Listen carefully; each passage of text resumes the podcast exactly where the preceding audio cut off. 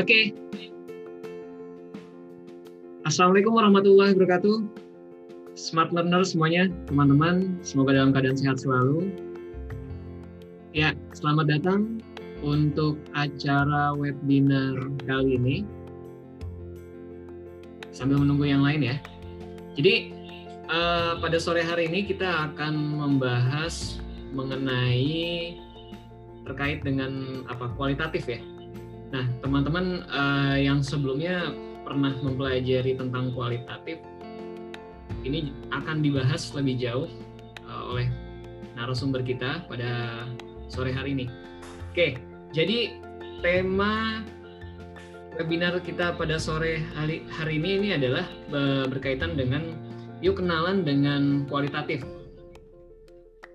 Nah, sebelumnya saya ingin memperkenalkan diri terlebih dahulu, teman-teman. Uh, nama saya Muhammad Fahrudin. Saya selaku moderator pada sore hari ini yang akan uh, membawakan apa memimpin jalannya webinar pada sore hari ini. Salam kenal pada teman-teman semuanya. Dan saya ingin memperkenalkan pembicara kita yaitu Kakak Nani Kurniasari MSI. Beliau adalah dosen ilmu komunikasi uh, peneliti kajian sosial. Beliau dosen dari Kalbis Institute.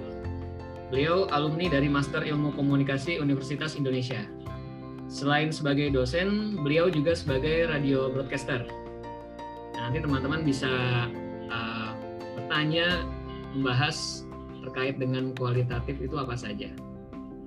Oke, sebelumnya kita sapa dulu uh, narasumber kita. Kanani gimana?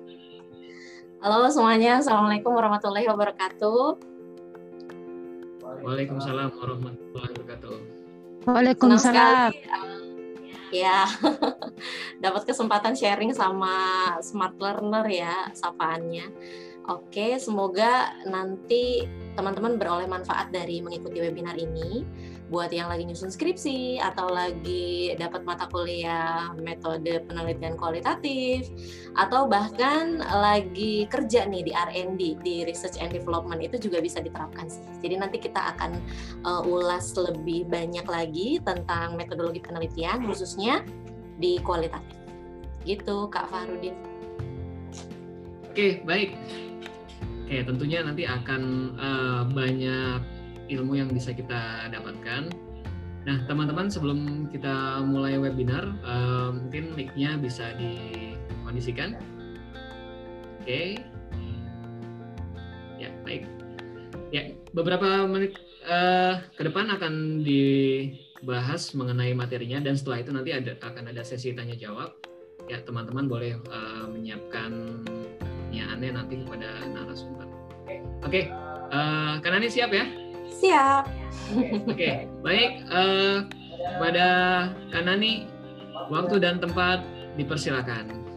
Oke, terima kasih Kak Farudin atas pengantarnya. Eh, teman-teman uh, semuanya sehat ya? Boleh di ini di kolom chat dijawab sehat gitu rame-rame. Teman-teman bisa chat kan di sini ya?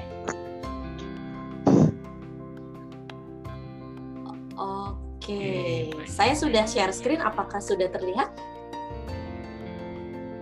Sudah. Sudah ya. Baik, uh, sebelumnya mungkin saya mau kasih pengantar dulu bahwa gini, biasanya di dalam penelitian itu ada dua jenis pendekatan di metodologi penelitian, khususnya eh, penelitian sosial, ilmu-ilmu sosial, uh, terlebih di ilmu komunikasi. Jadi ada yang namanya pendekatan kuantitatif, ada juga yang pendekatan kualitatif. Nah, kita uh, di sore hari ini akan lebih banyak berbicara tentang pendekatan kualitatif, yang katanya kalau kualitatif itu apa? Pakai kata-kata gitu ya terus lebih menekankan pada kedalaman atau kualitas dari eh, sebuah data kayak gitu Terus juga datanya bisa diambil dari mana? Dari gambar, dari juga lirik lagu, percakapan, baik itu diperoleh dari uh, diskusi di kelompok maupun uh, percakapan antara dua orang kayak gitu melalui wawancara mendalam. Nah, uh, memang kualitatif itu sangat berbeda dengan yang kuantitatif. Dulu awalnya memang penelitian di ilmu sosial itu dianggap sebagai penelitian yang apaan sih gitu kan? Emang iya bisa diukur.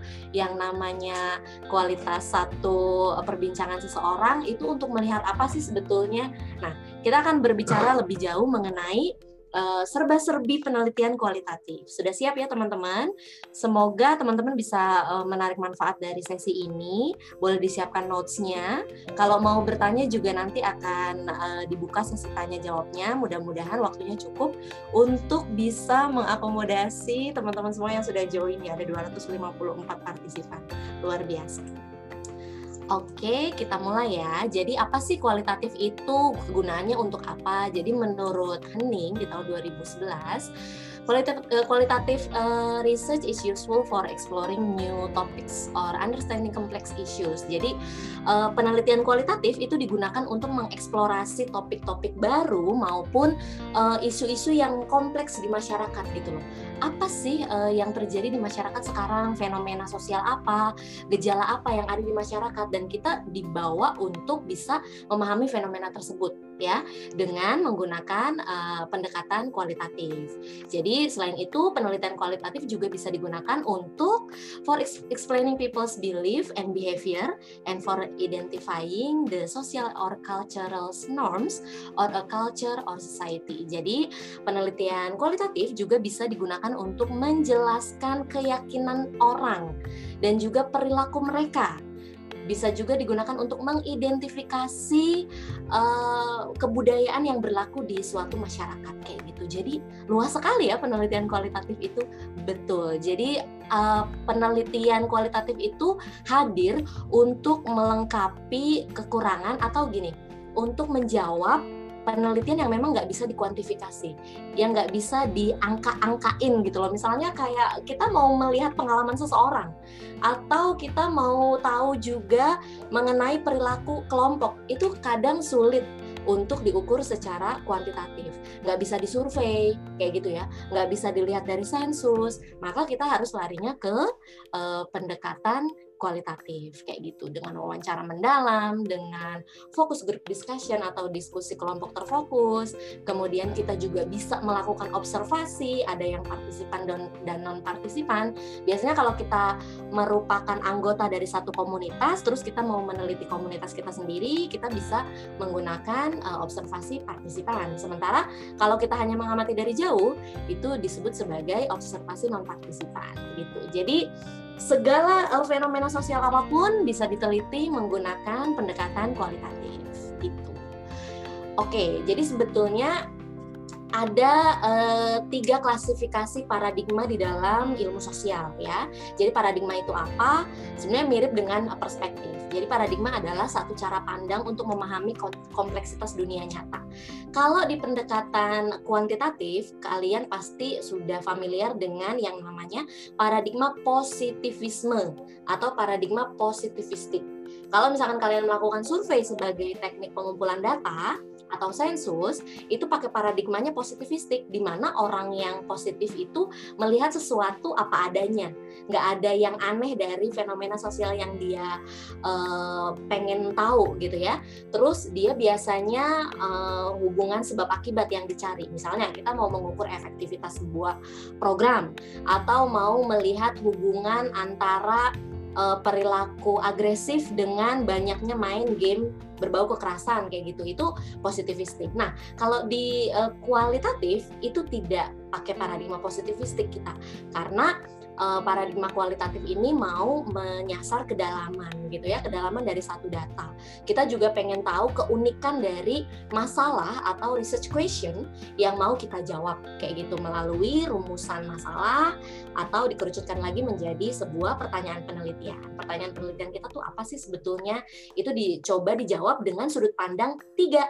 Yang pertama post positivistik, kemudian ada konstruktivistik, dan yang terakhir adalah paradigma kritis. Kenapa yang post positivistik statistik ini saya kasih detik-detik sengaja sebetulnya. Jadi gini, uh, tadi saya udah sedikit singgung mengenai paradigma positif positivistik yang melihat fenomena sosial itu apa adanya, begitu aja gitu ya. Kemudian peneliti itu berjarak sekali, jauh gitu ya dari uh, objek penelitiannya, tidak terlibat. Nah, uh, paradigma positivistik ini dikritik bahwa nggak bisa fenomena sosial itu bisa uh, diukur oleh paradigma atau sudut pandang yang seperti itu, yang apa adanya itu. Banyak hal lain yang memengaruhinya.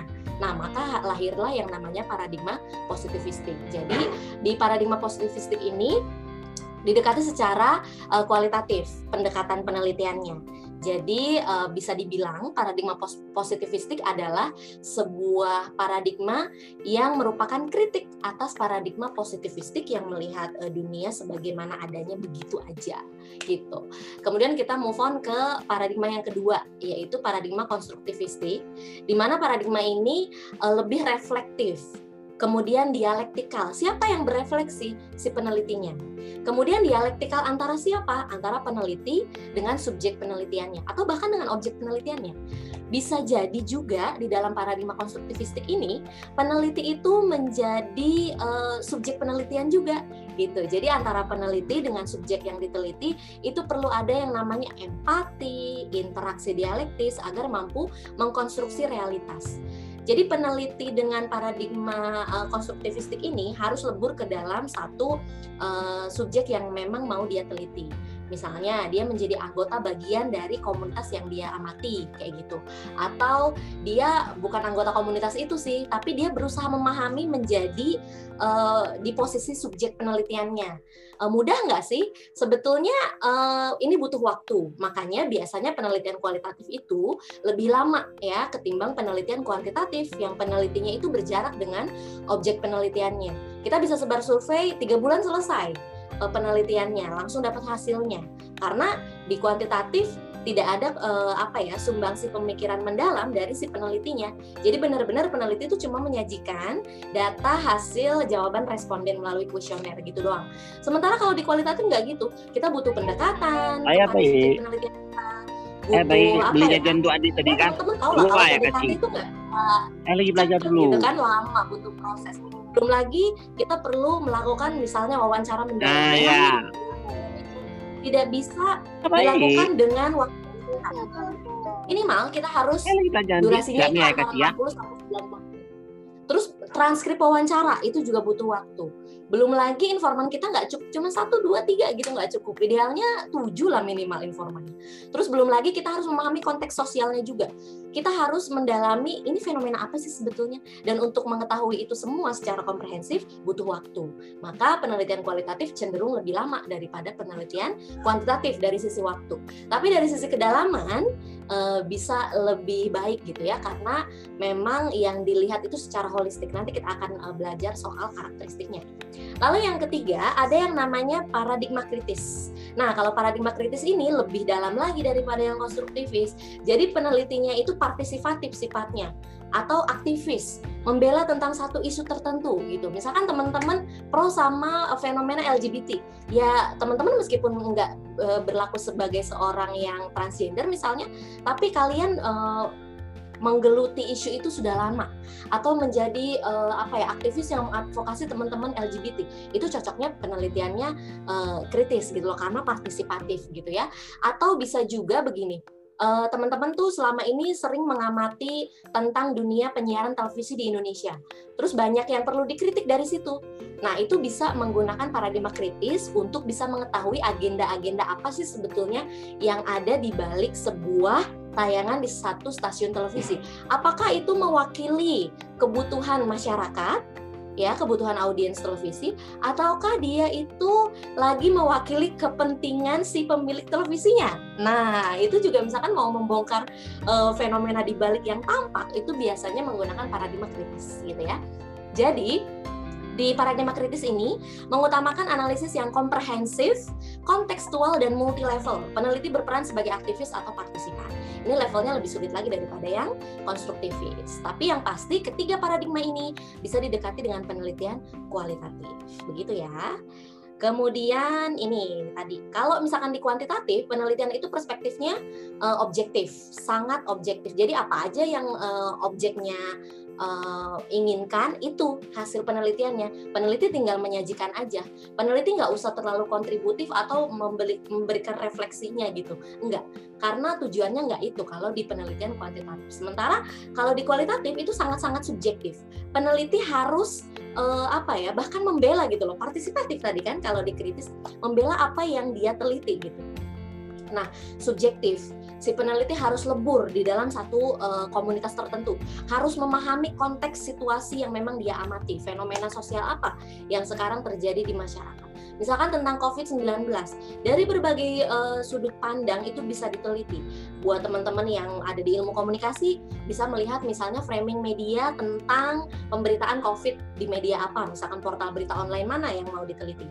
Kemudian ada juga teman-teman yang dari ilmu manajemen misalnya, terus dari ilmu epidemiologi. Itu satu fenomena bisa diteliti dari berbagai sudut pandang dan tentu saja dengan pendekatan kualitatif pun bisa gitu ya. Misalnya kita mau studi kasus, maka kita mewawancarai pakar epidemiologi. Kita juga mewawancarai dokter atau nakes ya, tenaga kesehatan yang memang terlibat langsung di dalam fenomena COVID-19 ini. Atau kita mau lihat dari sudut pandang korban misalnya, orang yang pernah terinfeksi lalu mau uh, kita pengen tahu pengalaman dia selama di karantina gitu ya. Tentunya kita wawancara dia ketika dia sudah uh, negatif ya dari COVID kayak gitu. Nah, itu juga bisa diamati dengan uh, pendekatan kualitatif. Dan kita tuh sudut pandangnya sangat-sangat subjektif kalau di kualitatif. Jadi sifat kenyataan atau realitas yang ada di dalam penelitian kualitatif itu ganda. Jadi kebenaran itu tidak tunggal, ya. Bukan satu tambah satu sama dengan dua kalau di penelitian kualitatif. Tapi bisa aja hasilnya tiga, bisa aja empat, lima dan seterusnya gitu loh. Jadi realitas yang ada di dalam penelitian kualitatif ini bersifat ganda. Lalu semu, ya tidak pasti gitu loh, tidak hitam atau putih, tapi uh, abu-abu misalnya karena banyak hal yang memengaruhinya. Dan yang memengaruhinya ini kita harus perhitungkan. Makanya uh, dia tidak uh, saklek gitu ya semu. Kemudian rumit penelitian kualitatif ini. Kenapa rumit karena setiap uh, perspektif orang akan beda-beda. Dan kita harus menghormati itu sebagai uh, sebuah pendapat gitu ya. Kita misalkan mewawancarai tujuh orang informan tujuh tujuhnya punya pendapat yang berbeda. Gimana nih gitu? Ya kita sajikan aja semuanya. Lalu kita diskusikan dengan teori dan konsep yang memang kita sudah mention di tinjauan pustaka atau literatur reviewnya. Kemudian dinamis sifat realitasnya. Kenapa dinamis? Karena memang apalagi yang namanya uh, fenomena sosial ya masyarakat itu kan bergerak terus, dinamis gitu. Bisa jadi isu ini sekarang lagi happening. Kemudian di beberapa bulan eh, berikutnya, isu tentang COVID-19 mungkin nggak akan lagi happening karena misalnya karena sudah ada vaksin orang di seluruh Indonesia sudah disuntik vaksin udah nggak relevan lagi isu COVID gitu misalnya. Karena kita sudah uh, kembali normal misalnya seperti itu. Jadi fenomena sosialnya dinamis maka penelitian atau kenyataan ya realitas di dalam penelitian dengan pendekatan kualitatif ini juga bersifat dinamis.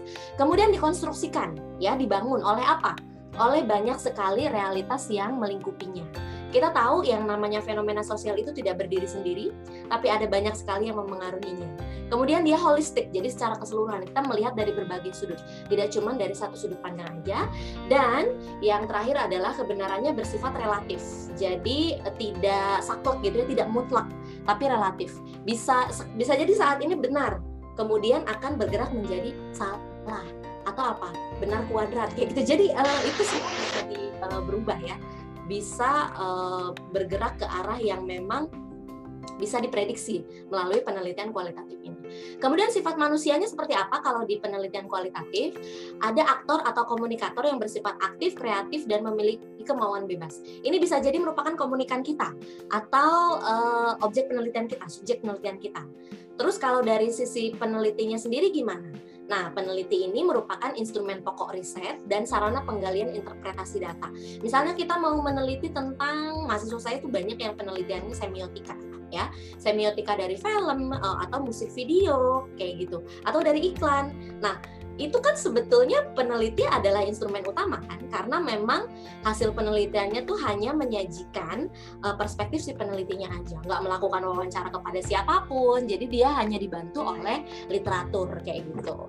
Terus uh, perilaku komunikasi secara internal juga dikendalikan oleh individu kalau di kualitatif terus kalau gitu gimana dong kualitas penelitiannya diukur dari apa jadi kalau di kuantitatif mungkin yang mau diarah itu adalah kebenaran uh, objektif gitu ya.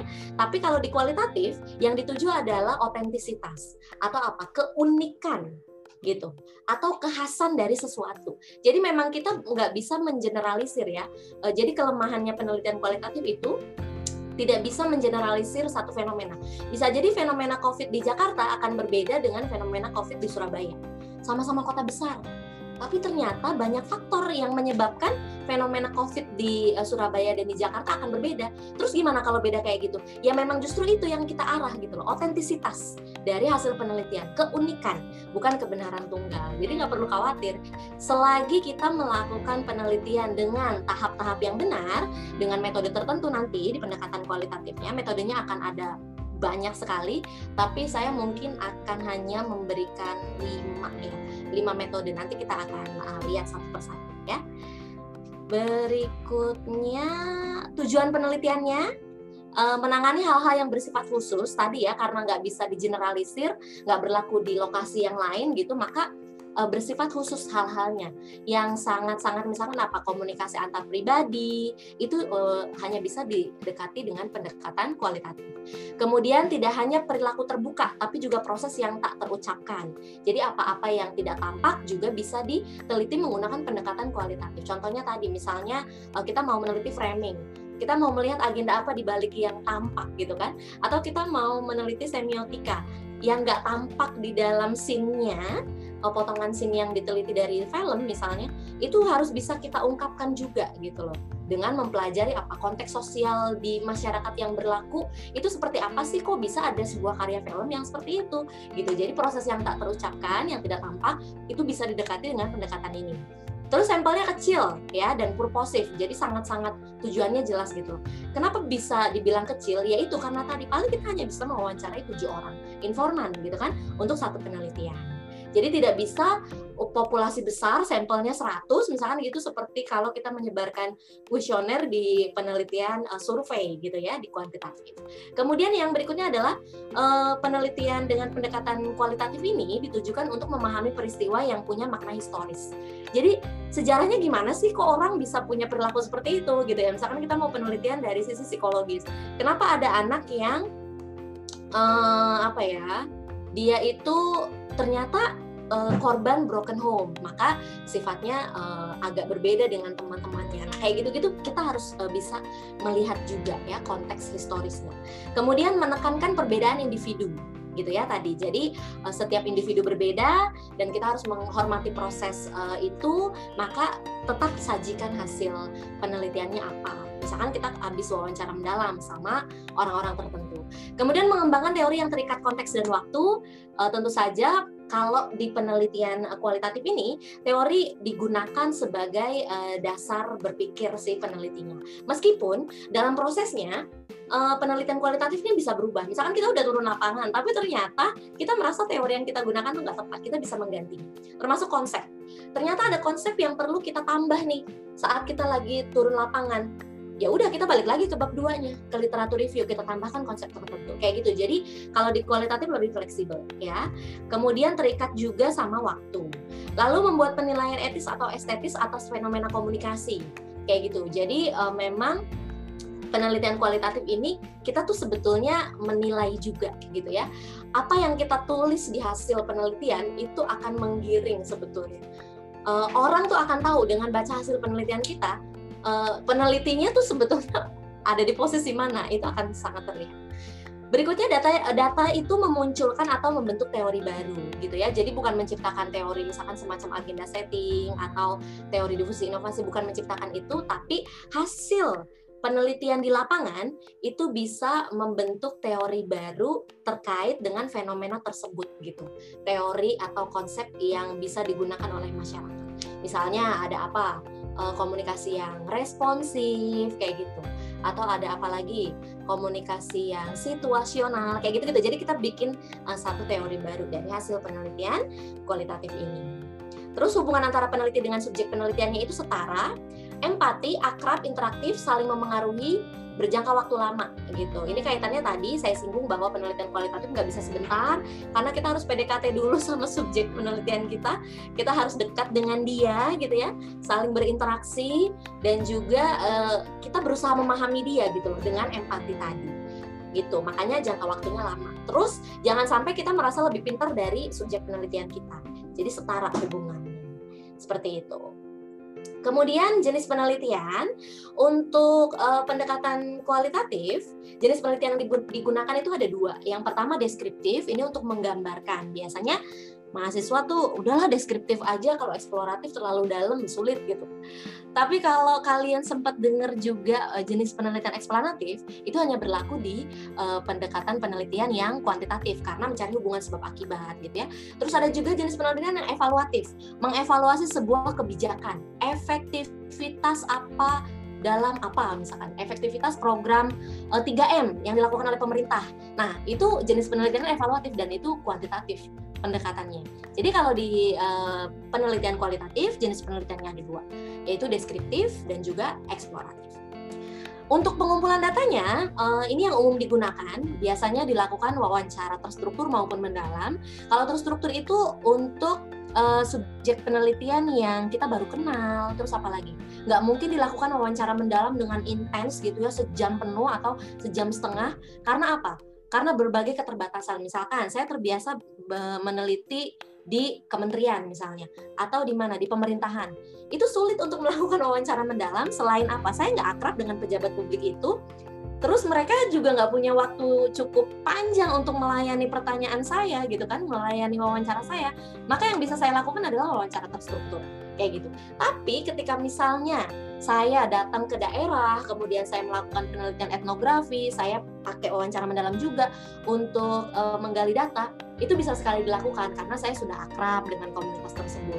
Atau saya bahkan penelitian di kampung halaman saya sendiri, mau meneliti tentang perilaku orang Sunda tuh gimana sih menghadapi sesuatu yang baru gitu kan. Pandemi ini kan baru nih, di seluruh dunia baru sebetulnya. Tapi kalau etnis tertentu tuh gimana mau memahami ini?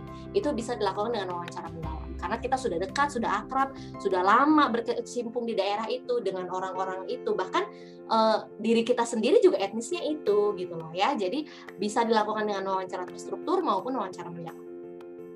Berikutnya ada yang namanya fokus group discussion. Nah ini sering keliru nih banyak yang bilang ini sebagai forum uh, group discussion. Yang benar adalah fokus group discussion atau kalau bahasa Indonesia-nya itu diskusi kelompok terfokus. Ini bisa dilakukan ketika uh, informan kita ya uh, atau apa subjek penelitian kita tuh bisa dihadirkan dalam satu forum.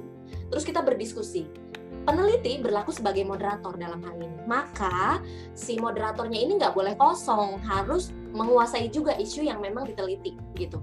Maka eh, biasanya penelitian FGD ini nggak bisa dilakukan pada apa ya fenomena yang kita baru tahu gitu baru baru baca atau baru eh, baru ngalami kayak gitu. Jadi kalau kita punya pengetahuan yang lebih tentang isu tertentu, baru deh kita bisa berkualitas ya atau e, mempunyai kualifikasi sebagai seorang moderator dalam memimpin e, FGD kayak gitu. Jadi kayak sembarangan FGD itu nggak nggak sesederhana ngumpulin orang terus ya udah kalian semua ngobrol terus saya catat gitu nggak nggak seperti itu. Jadi ada kriteria yang memang harus dipenuhi di dalam e, penelitian dengan teknik ngumpulin datanya itu pakai FGD. Kemudian observasi ini sudah saya singgung di awal bahwa ini juga salah satu teknik pengumpulan data dalam penelitian kualitatif. Ada yang partisipan dan non partisipan. Partisipan kalau kita memang bagian dari komunitas itu, ya. Atau e, kalau non partisipan kita bukan komunitas tapi kita hanya mengamati dari jauh. Tentu ada kekurangan dan kelebihannya ya dari e, teknik pengumpulan data ini, baik yang wawancara, FGD maupun observasi. Jadi gini teman-teman, tidak ada penelitian yang sempurna maka kita perlu membatasi uh, fokus penelitian kita. Jadi ada tuh yang namanya batasan penelitian. Kita fokus di fenomena apa kayak gitu. Terus teknik ngumpulin data kita juga terbatas pada apa gitu. It's okay karena uh, penelitian yang baik justru penelitian yang spesifik. Semakin uh, terfokus, semakin apa namanya uh, spesifik gitu ya, semakin khusus itu semakin baik gitu. Ketimbang yang kalau kita tuh ke mana-mana nggak jelas sebetulnya mau ngapain. Nah, di dalam metode penelitian ya, dengan pendekatan kualitatif ada lima paling enggak yang bisa kita lakukan. Yang pertama studi kasus atau case study, yang kedua adalah ground di teori, kemudian analisis isi. Oke, biasanya analisis isi itu lebih familiar di pendekatan uh, kuantitatif, tapi yang dimaksud analisis isi di pendekatan kualitatif itu terbagi lagi. Ada yang namanya analisis semiotika, analisis framing, analisis wacana, analisis naratif, atau analisis isi ini juga bisa disebut sebagai analisis teks media gitu ya. Jadi jangan keliru dengan analisis yang kuantitatif yang pakai tabel frekuensi itu. Kalau itu beda lagi. Artinya fenomenologi. Dan yang terakhir ada etnografi. Jadi nanti uh, etnografi sekarang sudah dikembangkan menjadi netnografi atau etnografi virtual. Jadi kita bisa mengamati perilaku komunitas tertentu melalui internet. Ada juga auto etnografi. Jadi kalau misalkan kita juga merupakan bagian dari kelompok yang kita amati, itu namanya auto etnografi. Jadi nanti kita akan singgung kelima ini, ya. Yang pertama dulu studi kasus, ini biasanya paling banyak dilakukan oleh uh, teman-teman mahasiswa. Kalau penelitiannya apa? Studi kasus. Tapi kadang ada yang keliru bahwa tidak semua penelitian itu studi kasus ya teman-teman. Jadi ada juga penelitian yang dengan menggunakan empat metode tadi yang selain studi kasus yang sudah saya sebutkan. Uh, intinya gini, kalau studi kasus itu tidak boleh dengan pengumpulan data yang cuma satu aja. Jadi pengumpulan datanya tuh harus banyak, harus komprehensif, minimal dua. Jadi peneliti melakukan pengumpulan datanya dengan dua cara minimal.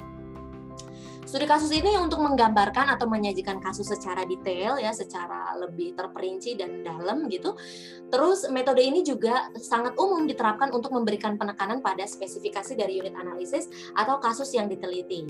Menggunakan berbagai sumber data sebanyak mungkin yang bisa digunakan untuk meneliti, menguraikan dan menjelaskan secara komprehensif berbagai aspek individu, kelompok, satu program, organisasi atau peristiwa secara sistematis.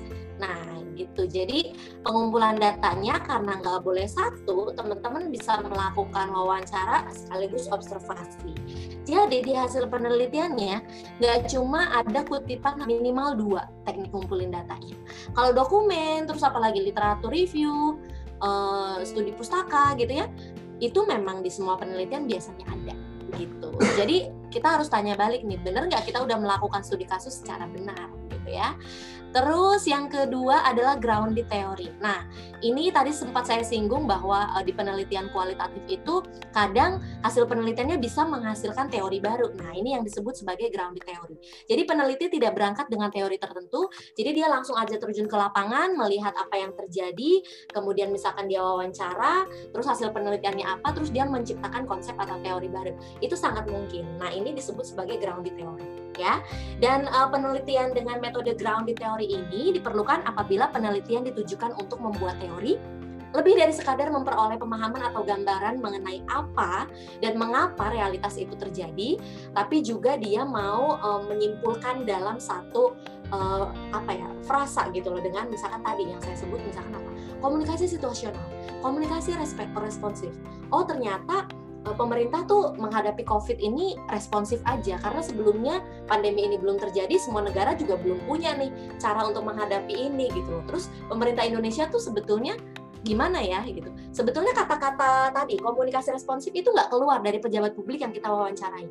Tapi kita selaku peneliti karena banyaknya literatur yang sudah kita uh, pelajari gitu ya, terus kita menciptakan oh uh, berarti kita tuh sebetulnya responsif menerima fenomena ini COVID di Indonesia kayak gitu. Terus grounded teori ini juga uh, berangkat dari level empiris ya apa yang dialami menuju level yang konseptual, teoritikal guna membangun teori substantif tentang suatu fenomena yang disusun secara induktif. Ingat kalau di kualitatif itu induktif ya bergeraknya tuh dari khusus ke umum. Sementara kalau kuantitatif tuh sebaliknya, dari sesuatu yang umum ke yang khusus, baik dari sisi menyajikan latar belakang masalah penelitian maupun ketika kita menuliskan hasil penelitian kayak gitu. Jadi beda ya. Kalau kualitatif tuh sangat-sangat induktif dari khusus ke umum. Berbeda dengan kuantitatif yang umum ke yang umum ke khusus atau deduktif namanya. Nah, teorisasi data berdasar pada fenomena empiris gitu. Tadi yang saya contohkan bahwa peneliti langsung aja terjun ke lapangan memahami peristiwa yang terjadi melalui perilaku masyarakat, eh, kan itu empirik ya, yang dialami. Terus eh, diformulasikan ke dalam satu konsep gitu, konseptual teoretikal. Ground di teori ini biasanya memang hmm, dilakukan oleh mungkin mahasiswa S2 atau para peneliti uh, atau akademisi. Kalau mahasiswa S1 memang levelnya nggak diwajibkan untuk menciptakan teori baru atau konsep baru. Jadi kalian hanya menggunakan atau menguji. Kalau menguji pakai kuantitatif ya. Tapi kalau di kualitatif itu sebagai dasar atau uh, kita menggunakan teori dalam penelitian kita. Gitu. Berikutnya kita beralih ke analisis semiotika. Oke, kita sudah masuk ke analisis isi atau analisis teks media. Pastinya teman-teman sudah akrab dengan yang namanya semiotika. Kalau misalkan kalian hobi nonton film, kemudian hobi ngapain lagi? Uh, um, ngamatin iklan atau bahkan kalian uh, sineas nih ada di antara 296 partisipan di sini yang memang memproduksi film pendek gitu ya, film dokumenter. Biasanya gitu anak komunikasi kalau yang broadcasting itu juga pembuat film. Nah, penting sebetulnya sineas itu memahami uh, semiotika supaya karya filmnya itu uh, berbobot gitu ya ada nilai yang dibawa gitu. Jadi tidak tidak cheesy gitu. Nah jadi kalau analisis semiotika ini memusatkan perhatian pada lambang dan simbol tanda gitu ya yang berlaku di masyarakat.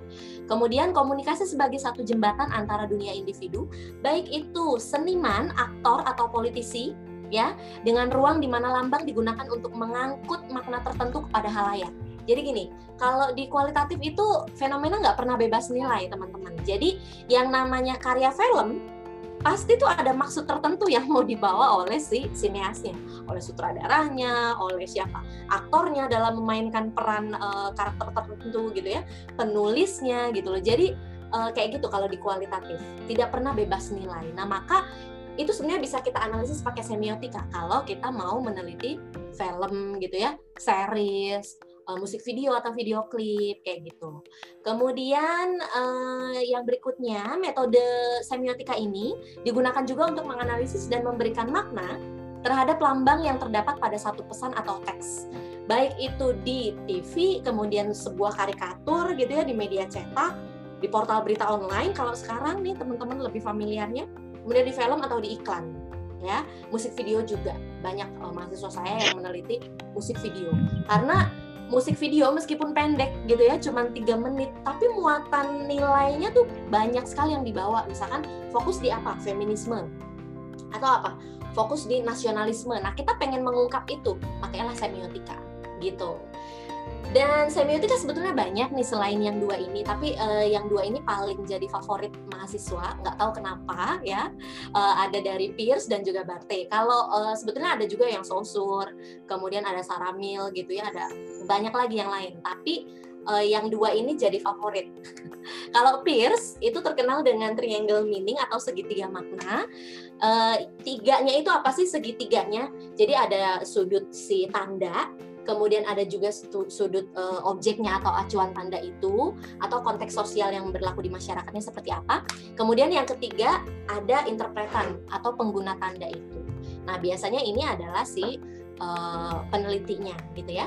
Kemudian yang berikutnya ada Barte. Nah, penelitian uh, Roland Barte ini semiotikanya juga fokus pada tiga tiga tahap ya, tiga tahap analisis. Yang pertama ada denotasi. Misalnya kalian mau mengamati uh, musik video tadi, uh, bobot nilainya apa yang dibawa konsepnya, feminisme misalnya ya udah kita akan uh, apa screenshot adegan-adegan atau scene-scene itu tuh kita analisis gitu.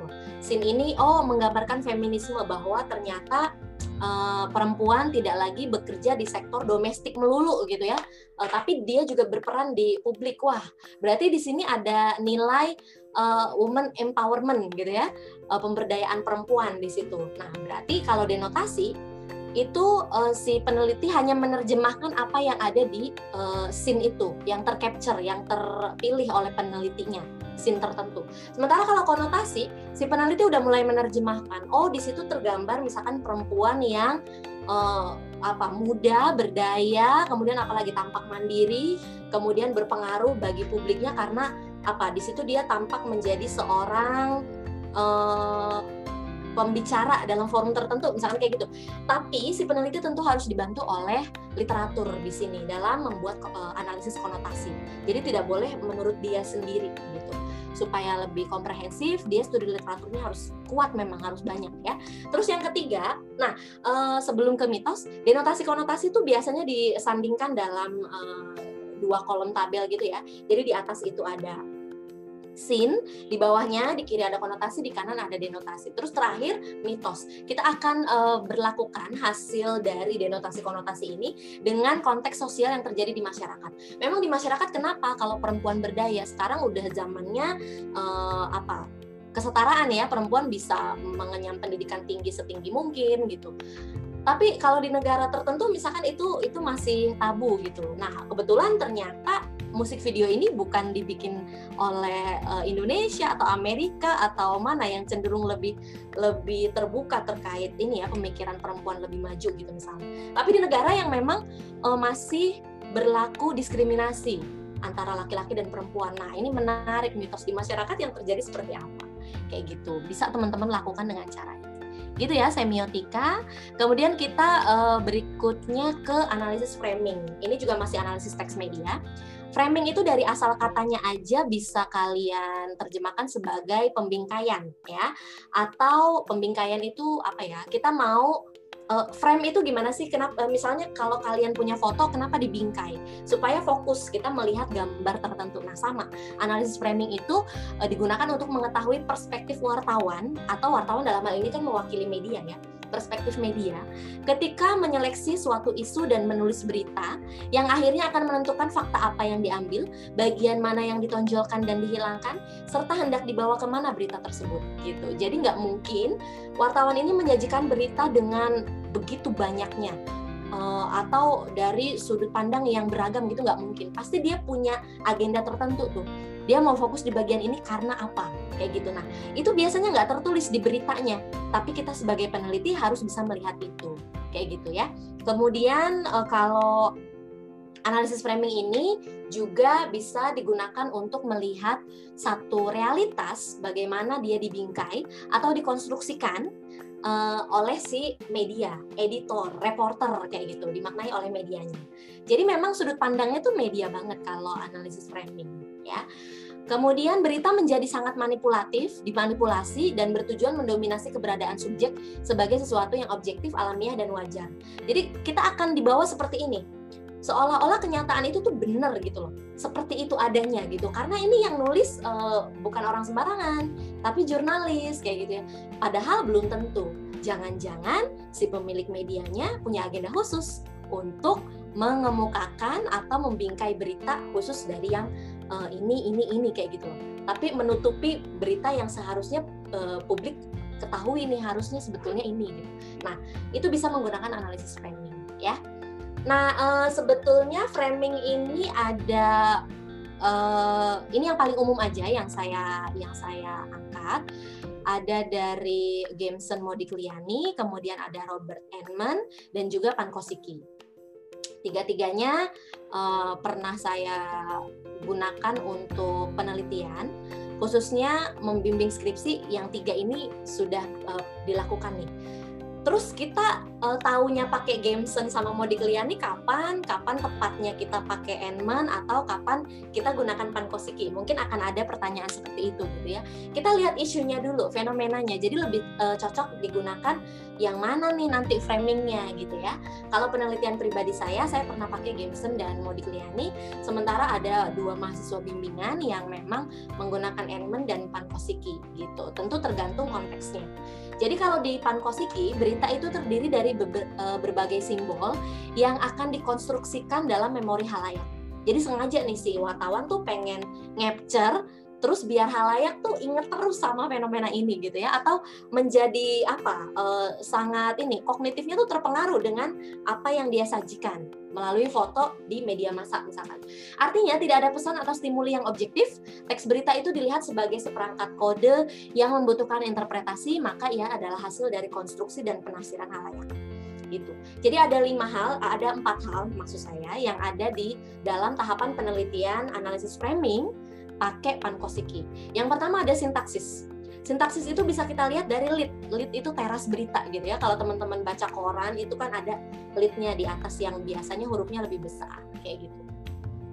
Terus headline ya, judul besarnya apa. Terus ada juga kutipan. Ngapain sih wartawan ngutip pernyataan pejabat publik itu di situ? Oh ya supaya menggiring opini kita ke situ gitu. Terus yang kedua, eh, kita lihat juga skripnya. Naskah beritanya tuh mewakili 5W1H nggak? Gitu sekomplit itu enggak gitu kalau memang komplit gitu bisa tuh kita pakai pankosiki kayak gitu ya terus tematik itu kita lihat uh, proposisinya, kemudian kalimatnya dan hubungan antar kalimat itu seperti apa. Lalu yang berikutnya adalah retoris. Pilihan kata yang digunakan oleh si uh, wartawan tuh apa? Ada idiom nggak di situ? Lalu ada grafik atau gambar. Kalau keempat hal ini terwakili, bisa teman-teman gunakan uh, analisis framingnya Pankosiki. Kemudian kalau Robert Enman ini menonjolkan aspek tertentu dari isu yang berkaitan dengan penulisan fakta melalui pemakaian kata, kalimat, gambar, dan citra tertentu untuk ditampilkan pada hal lain. Yang pernah saya bimbing menggunakan uh, analisis framingnya Enman ini isunya tentang radikalisme, gitu ya. Terus ada lagi nih sekarang yang meneliti tentang terorisme pengebom uh, ini bom bunuh diri di Medan pakai Enman juga. Kenapa sih kok uh, yang terorisme radikalisme pakai Enman gitu? Di situ ada empat juga. Kita harus mendefinisikan masalah mendefinisikan masalah dulu ya atau defining problems. Kemudian yang kedua ada diagnose cause ya. Kita mendiagnosa itu tuh apa sih sebetulnya? Kenapa itu terjadi gitu loh? Sejarahnya kenapa? Terus yang ketiga make moral judgment. Nah di sini ada penilaian moral yang bisa dilakukan oleh peneliti melalui bacaan dia atas uh, berita tertentu. Maka tadi yang terorisme, yang radikalisme biasanya pakai ini, pakai Enman ya. Lalu treatment recommendation, si peneliti juga harus bisa memunculkan apa? Rekomendasi-rekomendasi uh, rekomendasi apa sih yang bisa dilakukan untuk menangani atau mengatasi kasus seperti ini kayak gitu ya. Berikutnya ada yang Gameson Modigliani. Ini cara bercerita atau gugusan ide yang menghadirkan konstruksi makna dari peristiwa yang berkaitan dari satu wacana. Terus ada dua hal di sini ada framing device dan reasoning device. Kalau framing device, metafor itu metafora atau perumpamaan-perumpamaan biasanya kita sering ketemu yang namanya metafora di dalam pemberitaan. Itu bisa tuh pakai Gameson Modigliani ada juga catchphrases atau jargon atau slogan. Kan suka ada slogan gitu ya. Ada jargon-jargon tertentu. Misalnya apa? Penelitian saya yang pakai Gameson Modigliani tuh uh, meneliti tentang Jokowi yang dulunya dia masih uh, menjadi gubernur terus sekarang jadi presiden. Itu ada satu frasa yang muncul katanya kutu loncat gitu. Jadi hanya me, hanya menjadikan jabatan sebagai batu loncatan dia gitu. E, jadi wali kota terus jadi gubernur belum selesai langsung nyapres dan langsung menang kayak gitu. Jadi slogan-slogan yang muncul di media e, ada nggak gitu? Kalau ada jargon ada slogan tertentu bisa tuh kita amati pakai Gameson Modigliani ada juga eksemplar ini yang memunculkan contoh-contoh. Jadi media tuh memang ngasih contoh-contoh nih contohnya ya kayak gini gini gini gini. Itu tertulis di uh, medianya itu bisa kita teliti. Lalu ada depiction atau penggambaran isu secara konotatif, jadi uh, yang memang sudah diterjemahkan oleh si uh, apa wartawannya gitu ya. Kemudian ada grafiknya juga di situ atau visual image. Berikutnya perangkat yang uh, selain framing device ada juga namanya reasoning device. Yang pertama ada roots. Roots ini adalah sebab akibat, akar gitu ya. Emang kenapa sih kok bisa diberitakan seperti itu fenomena ini memang awalnya kenapa kayak gitu. Lalu ada appeals to principle atau premis dasar atau klaim-klaim moralnya tuh apa? Yang berikutnya adalah konsekuensi efek dari pemberitaan ini seperti apa gitu. Oke framing selesai Berikutnya adalah analisis wacana. Nah, kalau misalkan teman-teman mau meneliti tentang film, bisa juga pakai analisis wacana. Kemudian meneliti tentang uh, karya lainnya juga bisa sama, mirip-mirip sebetulnya uh, sama tadi uh, semiotika gitu ya. Kita mau melihatnya, cuman bedanya gini teman-teman antara semiotika sama wacana kalau semiotika benar-benar menjadikan penelitinya sebagai instrumen utama penelitian. Kalau wacana nggak bisa seperti itu. Peneliti harus melibatkan si pembuat medianya. Misalkan kalian mau meneliti tentang film Mulan nih Disney yang terbaru gitu kan. Ya teman-teman harus bisa mewawancarai sineasnya, sutradaranya atau siapa uh, penulisnya kayak gitu. Emang bisa? Bisa. Coba aja dilakukan. Mention mereka di Twitter misalnya atau email atau apa DM gitu kan di Instagram. Bisa nggak dijawab? Bisa dan itu pernah dilakukan ya. Uh, saya punya rekan yang dia penelitiannya tentang Disney dia DM uh, eh, bukan DM sih dia mention awalnya mention di Twitter akhirnya si oh, perwakilan Disney-nya itu uh, ngebales dia terus akhirnya mereka email-emailan jadilah. Dia bikin analisis wacana yang nggak cuma dia lihat dari filmnya film Disney-nya tapi dia juga dapat insight dari si uh, pembuat filmnya gitu. Menarik ya. Jadi analisis wacana tuh uh, ada tantangannya. Kalau kita nggak punya akses yang bagus ya sulit. Kita nggak bisa melakukan uh, analisis wacana. Jadi ini adalah satu upaya pengungkapan maksud tersembunyi dari subjek yang mengemukakan satu pernyataan. Kemudian wacana merupakan praktek sosial yang uh, menyebabkan sebuah hubungan dialektis antara peristiwa yang diwacanakan dengan konteks sosial, budaya, dan ideologi tertentu. Gitu. Kembali lagi bahwa media tuh nggak pernah bebas nilai. Pastinya si pembuat film atau pembuat apa pun gitu ya, karya uh, video klip juga punya nilai, ada ideologi tertentu yang dia bawa.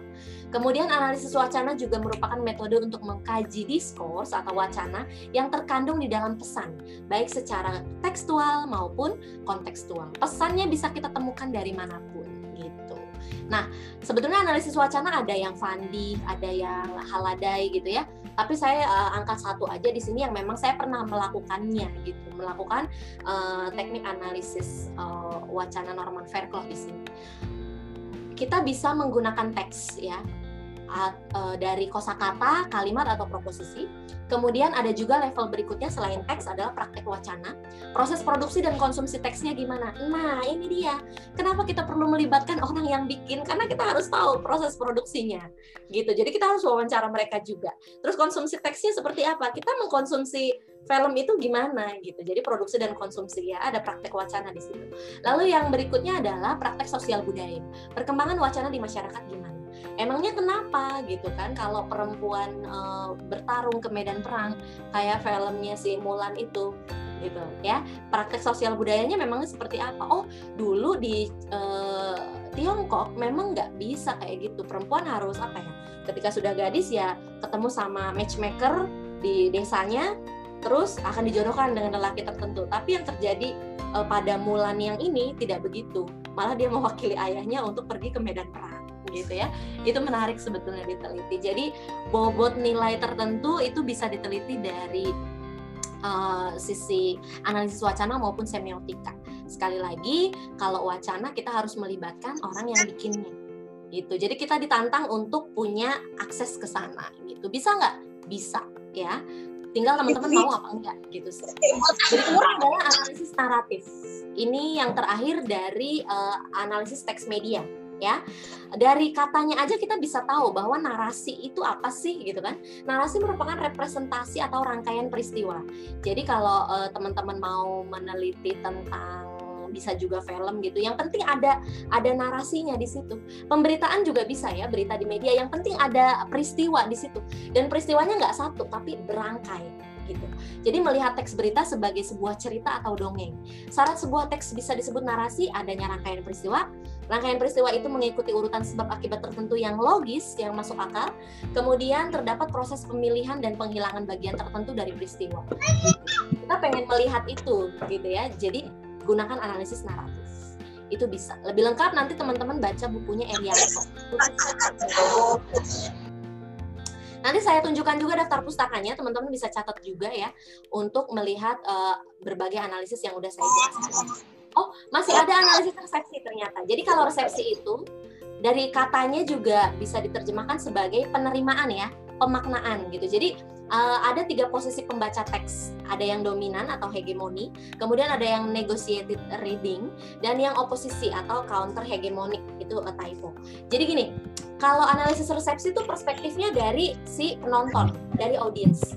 Kita pengen tahu uh, pendapat penonton setelah nonton film Mulan misalnya, bukan pendapat si uh, yang membuatnya tadi kayak analisis wacana dan pendapat kita penelitinya bukan beda banget ya kalau analisis resepsi itu kita pengen tahu pengalaman orang nonton film tertentu kita pengen lihat dia tuh adanya di posisi mana dia pro nggak sama feminisme misalnya berarti kalau pro dia adanya di dominan tapi kalau dia sebetulnya netral, itu cenderung ke negosiasi. Tapi nggak sesederhana itu. Negosiasi itu harus nggak cuma saya netral, eh, saya nggak berpihak pada feminisme atau eh, menentang feminisme. Tapi dia tuh memang eh, punya apa ya?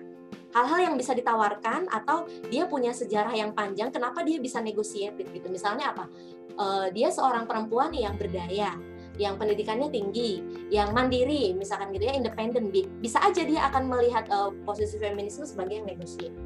Tapi ada juga yang oposisi, menentang banget sama feminisme. Dia bilang bahwa apa? Ada penonton yang kita wawancara gitu ya, uh, hari gini perempuan masih nggak boleh uh, setara dengan laki-laki gitu. Nah berarti dia adanya di counter hegemoni gitu. Dan analisis resepsi ini idealnya sih kita sebagai peneliti bisa menemukan uh, bisa menemukan informan penelitian yang memang mengisi tiga posisi ini. Biasanya saya ke mahasiswa bimbingan skripsi yang memang melakukan analisis resepsi terus dia bilang begini saya belum nemu yang negosiat padahal saya udah wawancara lima orang lima orang gitu ya lima informan. Berarti kamu harus wawancara lagi. Kayak gitu. Teknik ngumpulin datanya bisa dilakukan dengan wawancara mendalam bisa juga dengan FGD tapi ingat kalau kalian nggak punya basic tentang isu ini secara lebih detail gitu wawancara mendalam aja karena kalau FGD kalian uh, sebagai peneliti akan berlaku sebagai moderator. Gimana sih moderator nggak boleh kosong tentang isu yang diangkat gitu kan? Harus sudah punya bekal gitu. Jadi analisis resepsi ya. Kemudian, oke okay, analisis teks medianya sudah selesai. Kita uh, ke fenomenologi. Fenomenologi ini berkebalikan dengan etnografi. Nanti yang terakhir saya jelaskan. Jadi fenomenologi itu sebetulnya mau menyelidiki pengalaman personal, termasuk pengalaman pribadi seseorang ketika berinteraksi dengan orang lain. Misalnya teman-teman berangkat dari teori komunikasi antar pribadi, itu bisa uh, menggunakan metode fenomenologi. Kalian mau mewawancarai orang per orang terkait apa misalkan uh, banyak tuh kemarin mahasiswa saya yang pasangan beda agama lah, kemudian apalagi pengalaman dia di organisasi, tapi secara individu aja wawancaranya, bukan dia nggak mengamati kelompok, maka tepat digunakan fenomenologi gitu. Pengumpulan datanya dengan wawancara mendalam ya. Harus wawancara mendalam nggak boleh terstruktur. Karena kita pengen tahu pengalaman dia sebagai individu gitu sebagai personal gitu loh. Jadi harus mendalam wawancaranya. Kita harus PDKT dulu kita harus dekat harus akrab harus setara dengan uh, informan penelitian kita. Nah yang terakhir etnografi uh, ini kebalikan dari fenomenologi. Kalau fenomenologi itu mengamati personal, etnografi itu mengamati komunitas atau kelompok. Ya, studi tentang kebudayaan atau perilaku kelompok masyarakat tertentu. Kalian jangan menerjemahkan kebudayaan sebagai hanya etnis gitu ya, budaya tertentu, tapi kebudayaan juga merupakan kebiasaan atau perilaku gitu atau habit yang memang dilakukan oleh kelompok tertentu ya. Digunakan untuk menggambarkan bagaimana individu menggunakan budayanya dalam memaknai uh, realitas tapi individu di sini bukan perorangan ya tapi dalam individu di dalam masyarakat. Lalu uh, dilakukan oleh seorang peneliti dengan tinggal bersama dan hidup sebagaimana layaknya orang-orang yang diteliti dalam jangka waktu tertentu. Kayak gitu.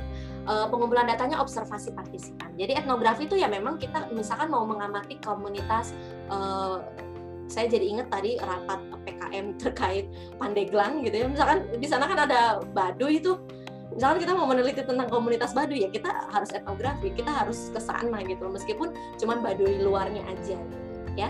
Jadi observasi partisipan, kita mengamati, kita juga lebur dalam komunitas itu, hidup bersama mereka supaya hasilnya tuh mendalam. Nah, terus netnografi itu apa? Sebetulnya netnografi ini bisa dibilang sebagai etnografi di internet, netnografi. Nama lainnya ada juga sebagai online etnografi. Ada juga yang menggunakan uh, istilah virtual etnografi gitu. Apalagi sekarang di masa pandemi, mungkin kalian akan mengeluhkan, wah nggak mungkin nih kita ke lapangan karena terbatas, harus jaga jarak, harus pakai masker, uh, rawan kalau bepergian. Ya udah, uh, netnografi aja amati misalkan forum online ada forum online apa di uh, apa internet gitulah yang ber, yang beredar di masyarakat. Terus itu lagi ramai membicarakan satu konsep tertentu dan itu terpublish gitu loh. Uh, kita bisa akses gitu ya. Kemudian kalau yang auto etnografi ini si penelitinya merupakan memang bagian dari komunitas itu. Misalnya apa ya? Saya masuk ke dalam komunitas akademisi ilmu komunikasi saya mau meneliti etnografi atau kebiasaan para akademisi komunikasi dalam penelitian tuh kayak apa sih? Kan saya juga melakukan itu, itu saya bisa melakukan auto etnografi. Jadi etnografi diri sendiri juga gitu loh istilahnya, auto etnografi. Jadi ada etnografi, lalu ada perkembangannya ketika internet sudah muncul, ada netnografi, dan yang terakhir ada auto etnografi.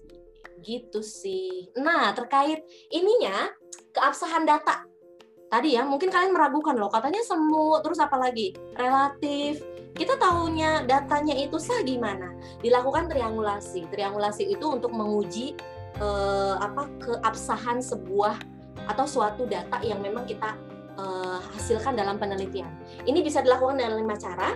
Yang pertama triangulasi sumber data, triangulasi waktu, triangulasi teori, triangulasi preset, dan triangulasi metode. Maksudnya, kalau triangulasi sumber data misalkan kita uh, wawancara mendalam gitu ya fenomenologi atau apa misalnya kita melakukan studi kasus pakai wawancara mendalam dan observasi. Kita juga harus wawancara seorang expert di bidang tertentu untuk tahu uh, perspektif yang lain terkait fenomena tertentu gitu. Kenapa harus expert? Karena gini, informan kita nggak harus pakar kan, nggak harus ahli. Tapi dia tuh yang punya informasi. Ya udah, dia bebas uh, menceritakan pengalaman dirinya.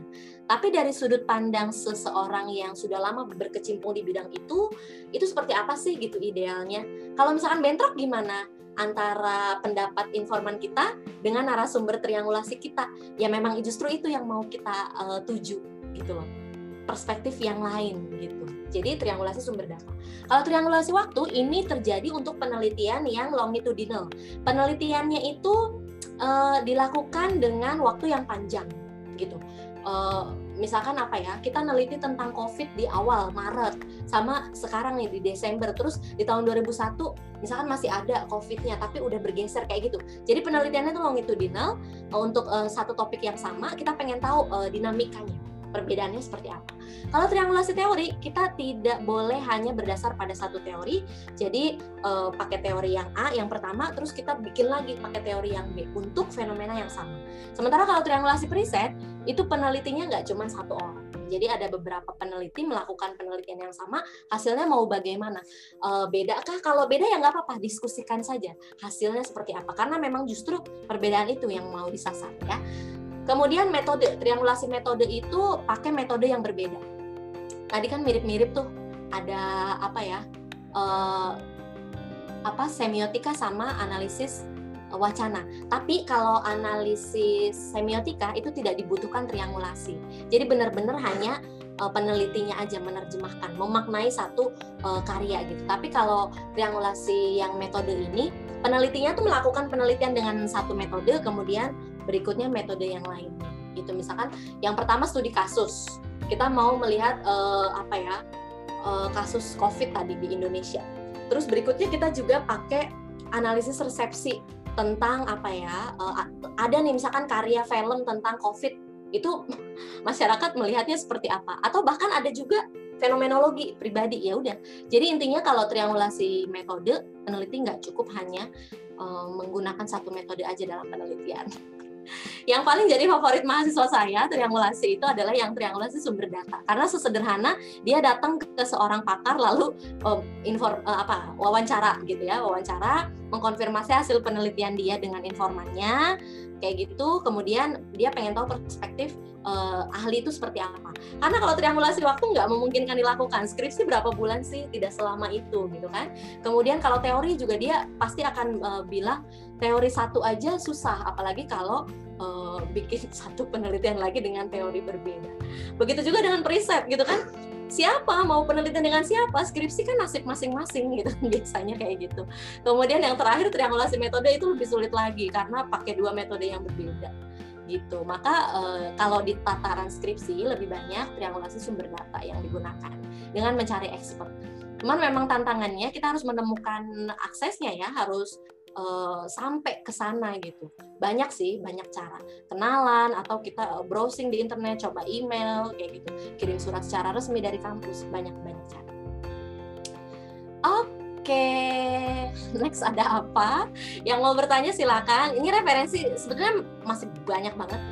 Uh, yang bisa teman-teman pakai ini babon ya yang 1 2 3 ini. Ada Handbook of Qualitative Research, dari Denzin Lincoln. Ini terkenal sekali.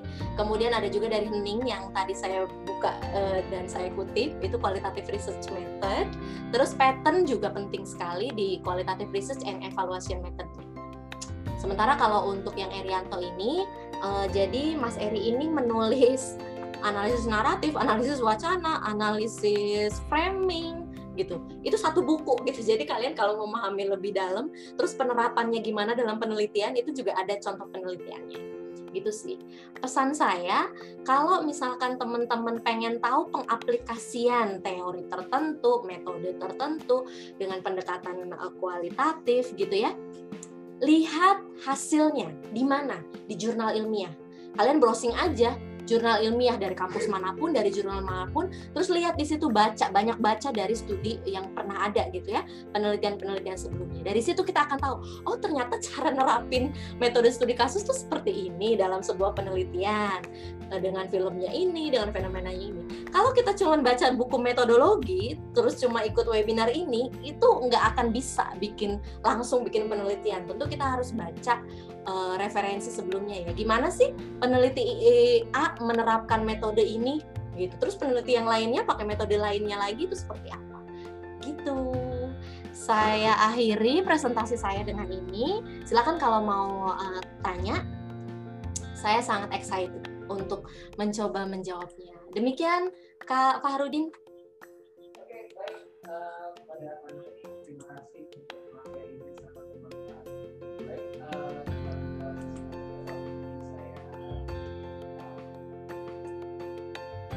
Ya, baik pada Kanani, terima kasih untuk materinya. Uh, terima kasih sangat bermanfaat materinya ya, eh, teman-teman uh, semuanya. Dan ini ada pertanyaan dari teman-teman semuanya yang bisa saya bacakan ya. Uh, mohon berkenan pada Kanani untuk bisa memberikan penjelasannya. Yang pertama dari uh, Pak Bambang Dwi Marjoko dari MTS Karya Pembangunan Karangjati ini bertanya, bagaimana cara penyusunan data kualitatif? Apakah data kualitatif juga membutuhkan penelitian uh, praktek atau kuesioner? Kak Nani mungkin bisa langsung menjawab. Oke, jadi mekanismenya langsung dijawab ya, Kak Fahrudin? Ya. Ya. Uh, tadi yang bertanya siapa? Pak Bambang Dwi Marjoko. Oke, Pak Bambang, untuk data kualitatif sendiri kan memang dia berupa kata-kata, berupa apa ya gambar, berupa uh, apa lirik lagu gitu misalnya ya. Nah tentu saja kita uh, kalau nyusun data ini kaitannya dengan teknik ngumpulin datanya. Nah, teknik pengumpulan data dalam penelitian kualitatif tadi saya sudah singgung sedikitnya ada tiga, yaitu dengan wawancara, ada yang ke struktur dan mendalam, kemudian ada yang fokus group discussion, ada juga observasi ya. Observasi ada yang partisipan dan non partisipan nah terkait nyusun datanya uh, data penelitian dengan pendekatan kualitatif ini itu nyusunnya gimana ya? Tergantung. Ngumpulin datanya pakai apa? Rekaman ya rekaman wawancara. Atau nama lainnya tuh verbatim. Habis wawancara kita akan bikin transkrip wawancaranya. Setelah ditranskrip kita akan uh, ini klasifikasikan berdasarkan kategori-kategori labeling. Nah, ada yang disebut dengan coding.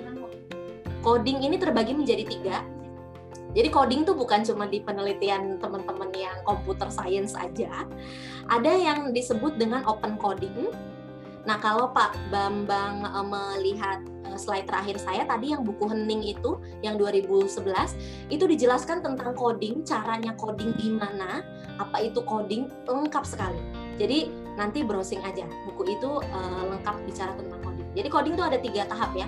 Yang pertama open coding, yang kedua adalah axial coding, axial coding, terus yang terakhir yang ketiga ada yang namanya selective coding. Nah ini tuh sebetulnya uh, mengklasifikasi gitu ya dari hasil wawancara yang segitu banyak wawancara itu kan coba deh kalau teman-teman coba transkrip lima menit aja tuh bisa berlembar-lembar kan? Ini satu jam bahkan satu jam setengah gitu kan? Kalau wawancara mendalam memang harus segitu durasinya supaya mewakili atau uh, cukup menjawab pertanyaan penelitian kita. Kita klasifikasikan nih uh, dia tuh ngomong apa. Tentu kita harus bisa menangkap yang namanya kata kunci. Ada keyword-keyword apa yang disampaikan oleh informan kita. Nah, kita bikin open coding, asial coding atau selective coding gitu ya. Uh, disusun dulu. Ada tadi di buku hening tuh ada caranya. Jadi kita bikin tabel terus kita uh, klasifikasikan. Tapi uh, gini, hasil coding ini tidak di tidak dicantumkan di hasil penelitian kita. Ini hanya akan ada di lembar lampiran, ya. Eh, nggak uh, masuk ke tubuh uh, penelitian atau uh, masuk ke skripsi atau masuk ke artikel jurnal enggak. Ter kayak transkrip itu juga nggak masuk gitu ya. Dia cuma ada di lampiran. Nah selain coding saya juga bisa uh, ajukan satu lagi. Ini sangat populer dan sangat digemari oleh mahasiswa. Ada namanya teknik uh, ini teknik analisis Miles dan Haberman. Tulisannya Miles dan Huberman. Huberman ya Huberman ya Miles dan Haberman. Itu ada tiga tahap juga. Yang pertama ada yang namanya reduksi data. Kemudian yang kedua ada yang disebut sebagai penyajian data. Oke penyajian data. Terus yang ketiga yang terakhir adalah penarikan kesimpulan. Oke jadi dari uh, hasil wawancara yang sekian banyak itu direduksi karena kita nggak mungkin kan ngambil semua omongan informan kita ke hasil penelitian kita maka kita perlu mereduksinya dikurangin mana yang penting gitu terus kita sajikan kita sajikan nah kalau penelitian dengan teknik pengumpulan data wawancara mendalam itu udah otomatis di hasil penelitiannya tuh ada kutipan wawancara Nah, itu kita lagi melakukan tahap penyajian data. Yang terakhir adalah penarikan kesimpulan. Ya udah disimpulkan aja seperti apa gitu. Itu kalau wawancara, cara uh, nyusun datanya seperti itu ya. Terus ada lagi tadi yang saya mention FGD. Itu juga hasil FGD-nya sama, misalkan dari rekaman ya dan lebih sulit kalau FGD karena orang tuh kan saling diskusi kan kita harus tahu nih posisi makanya peneliti biasanya nggak sendirian dia dibantu dengan beberapa asisten peneliti untuk mencatat hal-hal penting supaya saat dengerin rekaman hasil fokus group discussion itu tahu yang ngomong ini tuh siapa jadi pendapat siapa dan siapa tuh nggak akan bertabrakan uh, sama uh, seperti hasil wawancara kalau yang FGD. Nah, yang terakhir adalah uh, observasi tadi. Kalau dengan observasi partisipan atau non partisipan ada yang namanya diary atau logbook atau apa ya buku harian si peneliti. Kalau misalkan dia melakukan uh, etnografi ke daerah gitu ya, dia pakai observasi partisipan dong. Dia tuh harus punya daftar checklist. Daftar checklist yang menunjukkan aktivitas si komunitas tertentu itu. Nah, daftar checklist itu akan dia uh, apa namanya? Isi oh yang ini dilakukan. Oh mereka ternyata kelompok yang ini tidak melakukan ini kayak gitu. Nah daftar checklist itu juga harus disusun kayak gitu. Nah nanti hasilnya baru disajikan di hasil penelitian. Bukan uh, daftar checklist yang utuhnya itu nggak masuk tubuh penelitian. Dia cuma di, di tubuh uh, hasil penelitian ya. Dia hanya akan ada di lampiran gitu sih. Semoga menjawab ya Pak Bambang. Uh, untuk nyusun datanya dengan tiga metode pengumpulan data sudah saya coba uh, jawab baik. Uh, terima kasih karena ini uh, semoga Pak Bambang bisa apa, mendapatkan jawaban yang sesuai gitu ya. Oke, uh, berikutnya ini ada pertanyaan dari Muhammad Muhtar.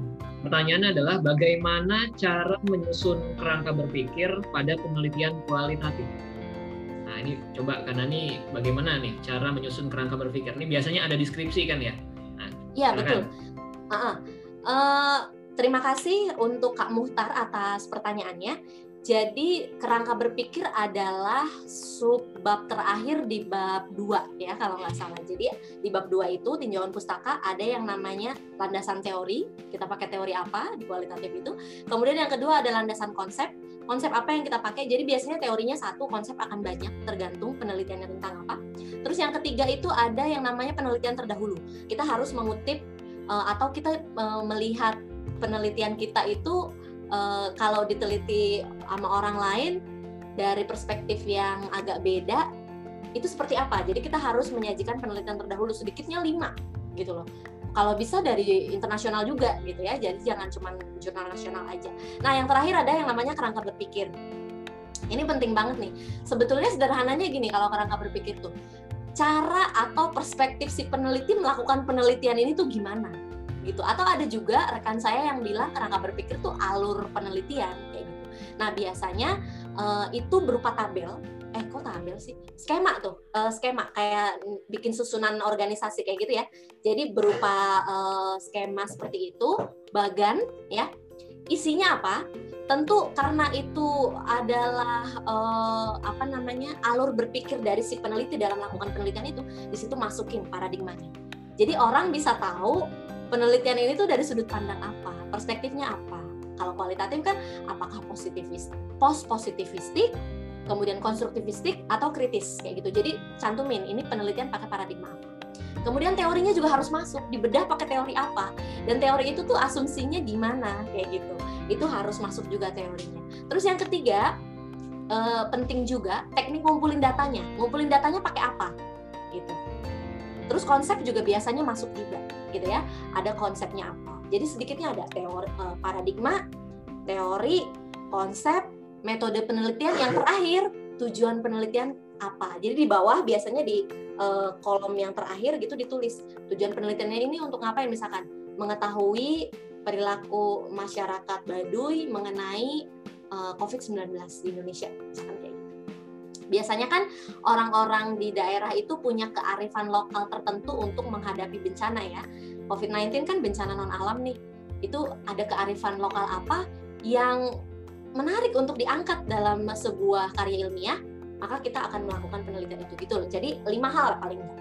Susun kerangka berpikir. Jadi kerangka berpikir yang baik tuh sedikitnya ada lima.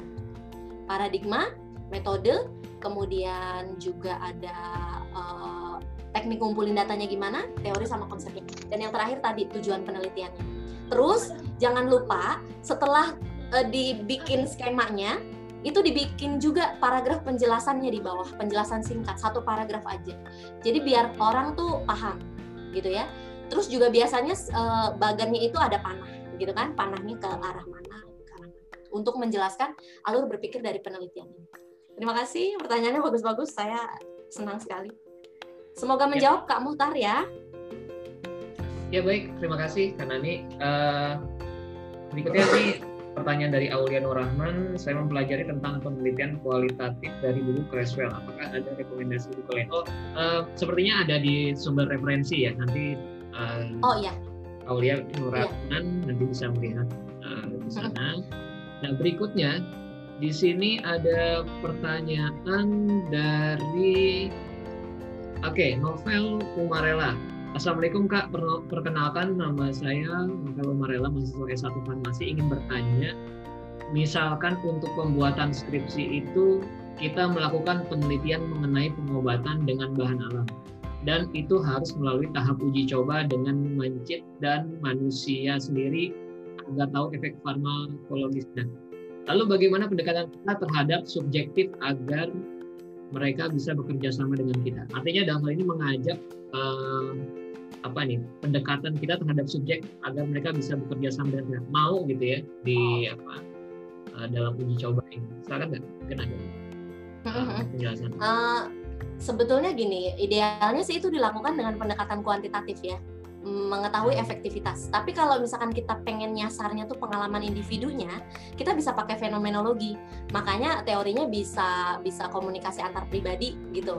Uh, pengen tahu pengalaman dia secara personal dalam uh, pakai uh, itu tuh gimana gitu. Nah, tentu tadi ya yang saya bilang penelitian kualitatif tuh nggak bisa singkat karena kita harus akrab dulu sama uh, responden kita. sorry, bukan responden namanya. Kalau responden kuantitatif kalau di kualitatif itu informan. Kita harus kenalan dulu, kita harus kita harus membangun trust gitu loh. Gimana sih orang baru kenal gitu ya terus nanya-nanya tentang pengalaman pribadi dia tentang tertentu, uh, apa fenomena tertentu atau tentang satu uh, pengalaman dia akan menggunakan sesuatu gitu dia sulit terbuka memang memang susah gitu. Uh, tadi kalau misalkan mau dilakukan wawancara ada dua ada yang terstruktur ada yang mendalam. Kalau kita akrab dekat gitu ya terus mereka tuh juga bagian dari kita itu mungkin dilakukan wawancara mendalam.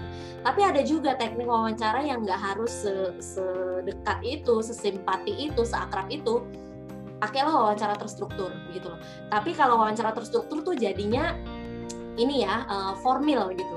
Ya pakai surat terus melalui bukan individu tapi melalui kantornya dia karena dia sebagai pejabat gitu misalnya. Uh, ya mau nggak mau kan kalau pejabat publik harus bersedia gitu loh ditanyai gitu. Karena uh, publiknya nih salah satunya si peneliti itu lagi membutuhkan data tentang ini gitu. Nah uh, ini agak riskan misalnya kalau uh, informan kita tuh sensitif isunya. Misalkan apa? Dia tuh penderita uh, eh, HIV AIDS gitu ya. ODA, dia tuh ODA, orang dalam HIV AIDS. Nah, pengalaman itu tuh kan kadang uh, ada yang mau terbuka, ada yang enggak gitu. Nah, yang mau terbuka biasanya kita solusinya dengan seperti ini. Oke, kita dekati dia, terus bilang bahwa kita nggak akan ungkapkan uh, identitas dia, kita hanya akan profiling. Profiling tuh dengan gini misalnya, kita sebutkan bahwa uh, informan ini berusia sekian dia bekerja di bidang ini jadi kita nggak sebut namanya dia alamatnya di mana kayak gitu jadi dia akan uh, bisa terbuka ya dengan cara seperti itu. Jadi kita melindungi identitas pribadinya dia. Kita tetap menjaga privasinya dia, tapi uh, tidak mengganggu kebutuhan tujuan penelitian kita gitu. Bisa dibicarakan kok ya, harus dikomunikasikan sih memang itu di awal. Terus kalau bisa, kalau mau wawancara mendalam ya memang kita udah kenal sama orang itu. Kalau ternyata orangnya nggak kenal gitu ya, uh, tadi kita coba uh, yakinkan bahwa ini tuh benar-benar untuk kepentingan penelitian dan kita jamin bahwa setelah ini dilakukan dia nggak akan terganggu gitu ya. Uh, itu butuh kesediaan juga sih. Saya sering kok meskipun pejabat publik saya akan tanya bapak bersedia nggak namanya dicantumkan kalau nggak bersedia ya nggak masalah uh, apalagi untuk pribadi ya saya berusaha untuk ya profiling aja. Di profil informan tuh nggak harus nama lengkap dia bekerja di mana alamat di mana nggak harus. Jadi dia akan merasa secure gitu bahwa dia nggak nggak lagi dieksploitasi atau diganggu gitu. Memang butuh ini ya mencari informan tuh nggak mudah. Apalagi mahasiswa yang skripsi itu mentoknya biasanya di situ di informan. Nggak punya akses nggak kenal nggak nggak bisa menembus uh, isu ini karena nggak ada yang mau bercerita tentang ini. Uh, sejauh ini sih saya rasa kalau kita punya kemauan pasti ada jalan ya. Kita bisa misalkan apa? Kalau kalian punya sosmed sebar aja di sosmed gitu. Misalkan bikin story dibutuhkan informan ini. Tapi memang nggak nggak mudah gitu ya nggak mudah. Uh, kita bisa memanfaatkan teman misalkan ya jaringan atau apa. Ada nggak ya kira-kira yang pasti ketemu kok. Pasti ketemu. Tapi memang modal utama kita sebelum melakukan penelitian itu saya sering nanya sama mahasiswa saya gitu. Oke ide kamu bagus dan ini belum pernah dilakukan sebelumnya.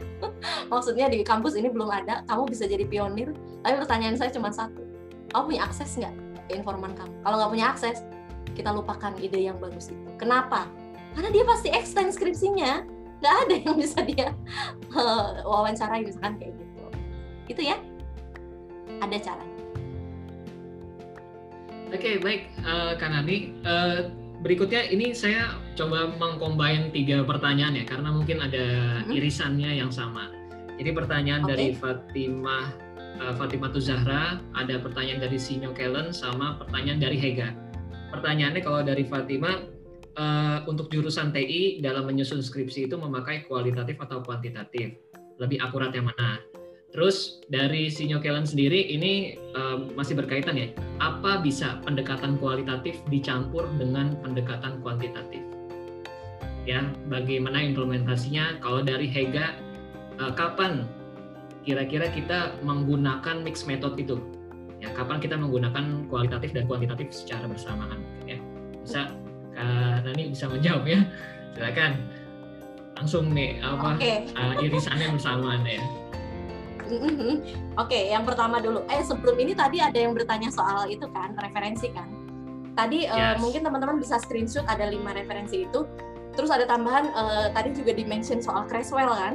Betul. Yes. Jadi sebenarnya buku babon penelitian kualitatif saya itu banyak gitu ya, tapi yang saya cantumkan di situ cuma lima Tadi ada Denzin Lincoln, kemudian ada juga Patton ya, Queen Patton, terus ada Henning, terus yang berikutnya Creswell tadi yang teman-teman mention juga.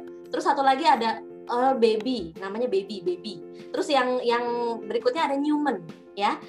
Cari aja nama-nama itu di Google. Banyak bukunya tuh buku babon semua. Kalau belajar penelitian dari buku itu termasuk Creswell. Creswell tuh sampai ngasih tahu loh cara nulis hasil observasi tuh kayak gimana gitu jadi kita tuh nggak nggak tersesat gitu oh ini daftar checklistnya gitu sebegitunya gitu ya oke terus pertanyaan yang berikutnya tadi kalau TI kuanti apa kuali kuantitatif oke okay. uh, eh, TI SI itu kuantitatif kemudian kalau uh, pertanyaan yang mixed method itu gimana jadi gini ada uh, para pakar uh, teoritisi gitu ya yang bilang bahwa mixed method tuh nggak pernah ada. Tapi Creswell bilang ada, gitu kan. Mixed method itu ada, gini. Yang saya pahami begini, hmm, yang di mix itu bukan pendekatannya, bukan kuanti atau kualinya, tapi yang di mix adalah teknik ngumpulin datanya. Oke, itu dulu nih yang harus dipahami. Jadi yang boleh bercampur itu adalah ngumpulin datanya. Misalnya dalam satu penelitian kita mau survei, tapi ternyata saya nggak mau sampai situ. Penelitian saya nggak mau cukup uh, menyajikan data hasil responden saya aja. Karena apa? sayang banget kalau saya cuma survei saya nggak bisa reflektif dong saya nggak bisa ngasih insight dong ke penelitian itu. Sementara modal saya besar untuk itu. Saya punya pengalaman lama di situ. Ya udah mix method aja. Sekalian observasi partisipan juga di situ. Boleh nggak kayak gitu? Sangat boleh. Jadi hasil penelitiannya nanti akan komprehensif. Dan itu banyak dilakukan, tapi bukan oleh uh, peneliti yang individu, tapi untuk tim ya, tim yang misalkan besar gitu, tujuh orang dan biasanya itu penelitian yang dapat hibah pendanaan gitu. Kalau misalkan penelitiannya pribadi, ongkos sendiri, terus mau selesainya kapan gitu, uh, butuh butuh ini ya, butuh banyak pemikiran. Terus misalkan uh, peneliti kan gitu spesifik ya dia misalkan pakar di mananya dia jago survei kalau dia jagonya biasanya uh, apa megang bangetnya tuh kalau FGD dia jadi moderator FGD jago banget karena memang isu itu dia banget gitu misalnya. Terus kalau ini saya uh, lebih terampil kalau wawancara mendalam. Kayak gitu. Jadi banyak peneliti yang terlibat. Terus dananya juga jelas. Gitu. Jadi yang um, mix itu bukan pendekatannya kuanti kuali tapi cara ngumpulin datanya. Ada yang cara ngumpulin datanya kuanti dengan survei digabung sama wawancara mendalam. Itu sangat bisa dilakukan. Gitu ya. Oke, baik Kak. Ini ada lagi pertanyaan banyak ya dari teman-teman. Uh, ini ada beberapa yang memang saya combine karena sangat um, sama gini ya. Ada tiga yang sedang melaksanakan penelitian. Di sini ada Mbak Ulan, ada Anissa Ilmi, sama ada Mas Andi Alauddin. Nah, jadi pertanyaannya di sini untuk Mbak Ulan sama seperti Mas Andi. Kalau Mbak Ulan eh, penelitian kualit terus kalau kita penelitian kualitatif terus pakai metode wawancara tentang kualitas pelayanan di suatu dinas, kira-kira eh, pakai teori apa? Itu dari Ulan. Jadi apa? Oh, bisa diulang? Jadi sedang melakukan wawancara tentang kualitas pelayanan di suatu dinas. Oke. Okay. Nah, jadi baiknya ini pakai teori apa? Nah, okay, kalau kualitas pelayanan. Ya, kualitas tentang kualitas pelayanan. Nah, kalau Mas Andi di sini, di, uh, beliau sedang meneliti tentang strategi redaksi di media online. Teori yang digunakan yang paling relevan itu apa? Jadi hmm. strategi redaksi di media online teori yang digunakan paling relevan itu apa? Ini uh, pertanyaan sama Mbak Ulan dan Mas Andi memang eh, sama-sama sedang meneliti. Dan di sini ada pertanyaan dari Mbak Nisa, uh, kualitatif seperti apa? Saya ingin, saya ingin bertanya kualitatif seperti apa jika ingin meneliti tentang keberlanjutan program seperti Sustainable Development Goals. Untuk penelitiannya kira-kira seperti apa? Oke, untuk hmm. Kak, tiga itu yang memang teman-teman sedang melakukan penelitian sekarang mungkin bisa uh, Oke, okay. yang pertama dulu kalau kualitas pelayanan tergantung ya kualitas pelayanannya itu uh, layanan apa kayak gitu. Tapi saya bisa bisa lihat begini, uh, layanan itu kan sesuatu ya, uh, service gitu misalkan apa lagi, program atau apa, kegiatan atau uh, campaign gitu. Terus uh, kita pengen tahu uh, dari perspektif si orang yang bikinnya, yang bikin programnya misalnya pemerintah kita bisa pakai difusi inovasi gitu teorinya. Nah, terus sementara kalau yang strategi redaksi tadi, kalau misalkan peneliti punya akses ke redaksinya, itu bisa pakai analisis wacana. Ya, jadi nggak cuman kita lihat hasil redaksinya, hasil apa ya? Hasil redaksi kan bisa berita, bisa bisa apa ya? Eh, program TV misalnya kayak gitu, eh, bisa pakai eh, analisis wacana karena kita melibatkan orang yang bikinnya juga gitu. Itu kalau kita punya akses ke sana gitu ya. Terus yang berikutnya SD, SDGs uh, Sustainable Development Goals itu kan banyak ya ada berapa? 16 elemen gitu. Tergantung uh, dari mana uh, mungkin bisa lebih spesifik nggak? Temanya apa? Nah kayak gitu. Kalau teori itu sebetulnya gini sih banyak teori ya khususnya di ilmu komunikasi yang bisa kita gunakan sebagai alat bedah gitu. Jadi teori itu akan membantu kita. Misalnya kita pakai wawancara mendalam maka kita bisa gunakan uh, teori itu untuk bikin pertanyaan wawancara yang relevan gitu. Biar kita tuh nggak ngaco gitu kan. Nah e, begitu juga dengan konsep akan membantu kita. E, tadi karena SDGs yang dimaksud tidak spesifik maka saya nggak bisa sebut e, teorinya sih. Teorinya apa gitu. Ya. Kalau yang strategi redaksi tadi uh, itu teknik analisisnya bisa bisa pakai analisis wacana, bisa juga pakai studi kasus. Jadi uh, itu pakai dua metode itu. Kalau teorinya bisa pakai kalau kritis ya atau kita mau lihat dari sudut pandang si medianya pakai agenda setting gitu pakai uh, framing juga bisa analisisnya teknik analisisnya bisa framing wacana kemudian uh, studi kasus sementara teorinya bisa pakai agenda setting apalagi terkait redaksi ya. Redaksi media. Gitu. Oke baik. Uh, karena nih Ya, terima kasih untuk jawaban-jawabannya. Teman-teman, mohon maaf sekali uh, apa namanya ada keterbatasan waktu sehingga kita membatasi. Nanti mungkin bisa apa lain kesempatan dan ada istilahnya teman-teman bisa bertanya ya nanti ada di jaringnya atau apa pun pada Benani ya. Thank you